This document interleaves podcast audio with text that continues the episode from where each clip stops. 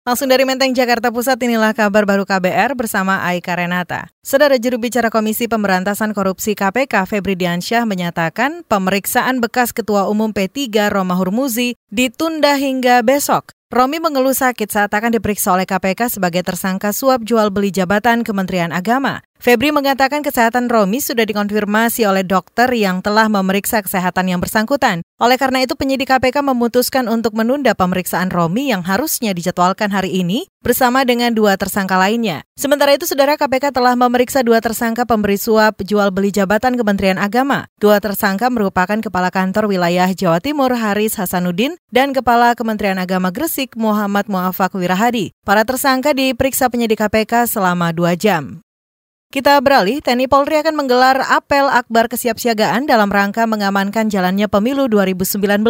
Juru bicara Mabes Polri Dedi Prasetyo menyatakan TNI bersama Polri akan menggelar apel itu besok Jumat di Pangkalan Udara TNI Halim Perdana Kusuma, Jakarta Timur. Ia menyebut kedua institusi masih terus fokus untuk pematangan persiapan pemilu, khususnya saat periode pelaksanaan kampanye terbuka antara 24 Maret hingga 13 April mendatang. Polri hari ini juga masih fokus dalam rangka untuk persiapan mematangkan kembali bersama TNI ya, pengamanan pemilu, ya khususnya nanti tanggal 24 sampai dengan tanggal 13 akan dilaksanakan kampanye terbuka. Potensi-potensi kerawanan seperti ini sudah di mapping. Oleh karenanya besok rencana untuk TNI Polri seluruh Indonesia bersama seluruh komponen bangsa akan menggelar apel kesiapsiagaan pengamanan pemilu. Juru bicara Mabes Polri Dedi Prasetyo juga menambahkan khusus untuk Papua dan sekitarnya direncanakan ada penambahan pasukan. Namun penambahan pasukan bukan karena penembakan oleh kelompok kriminal bersenjata KKB yang terjadi pada Rabu kemarin. Menurut Dedi jumlah pasukan yang berada di Nduga, Papua saat ini telah cukup untuk mengantisipasi langkah KKB yang berpotensi mengganggu jalannya proses pemilu di sana.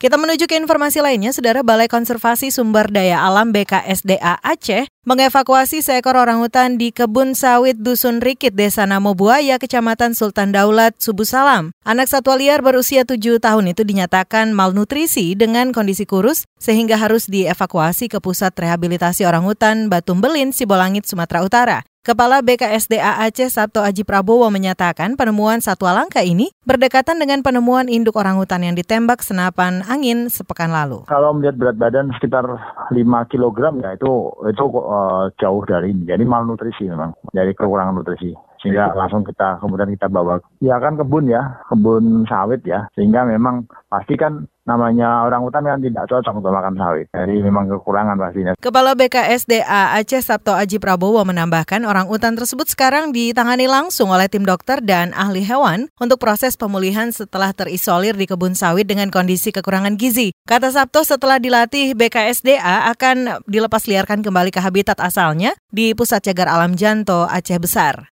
Kita menuju ke satu informasi dari mancanegara. Setidaknya enam orang tewas dalam tiga serangan berturut-turut terhadap perayaan awal musim semi di daerah Kartehi Sahi Kabul, ibu kota Afghanistan. Juru bicara Kementerian Dalam Negeri Nasrat Rahimi menyatakan tiga bom yang diletakkan dekat festival perayaan Norus di daerah Kartehi Sahi meledak secara berturut-turut. Selain menewaskan enam orang, Rahimi menyatakan 23 orang lainnya menderita luka-luka akibat serangan bom tersebut. Belum ada pihak yang mengaku bertanggung jawab atas serangan itu.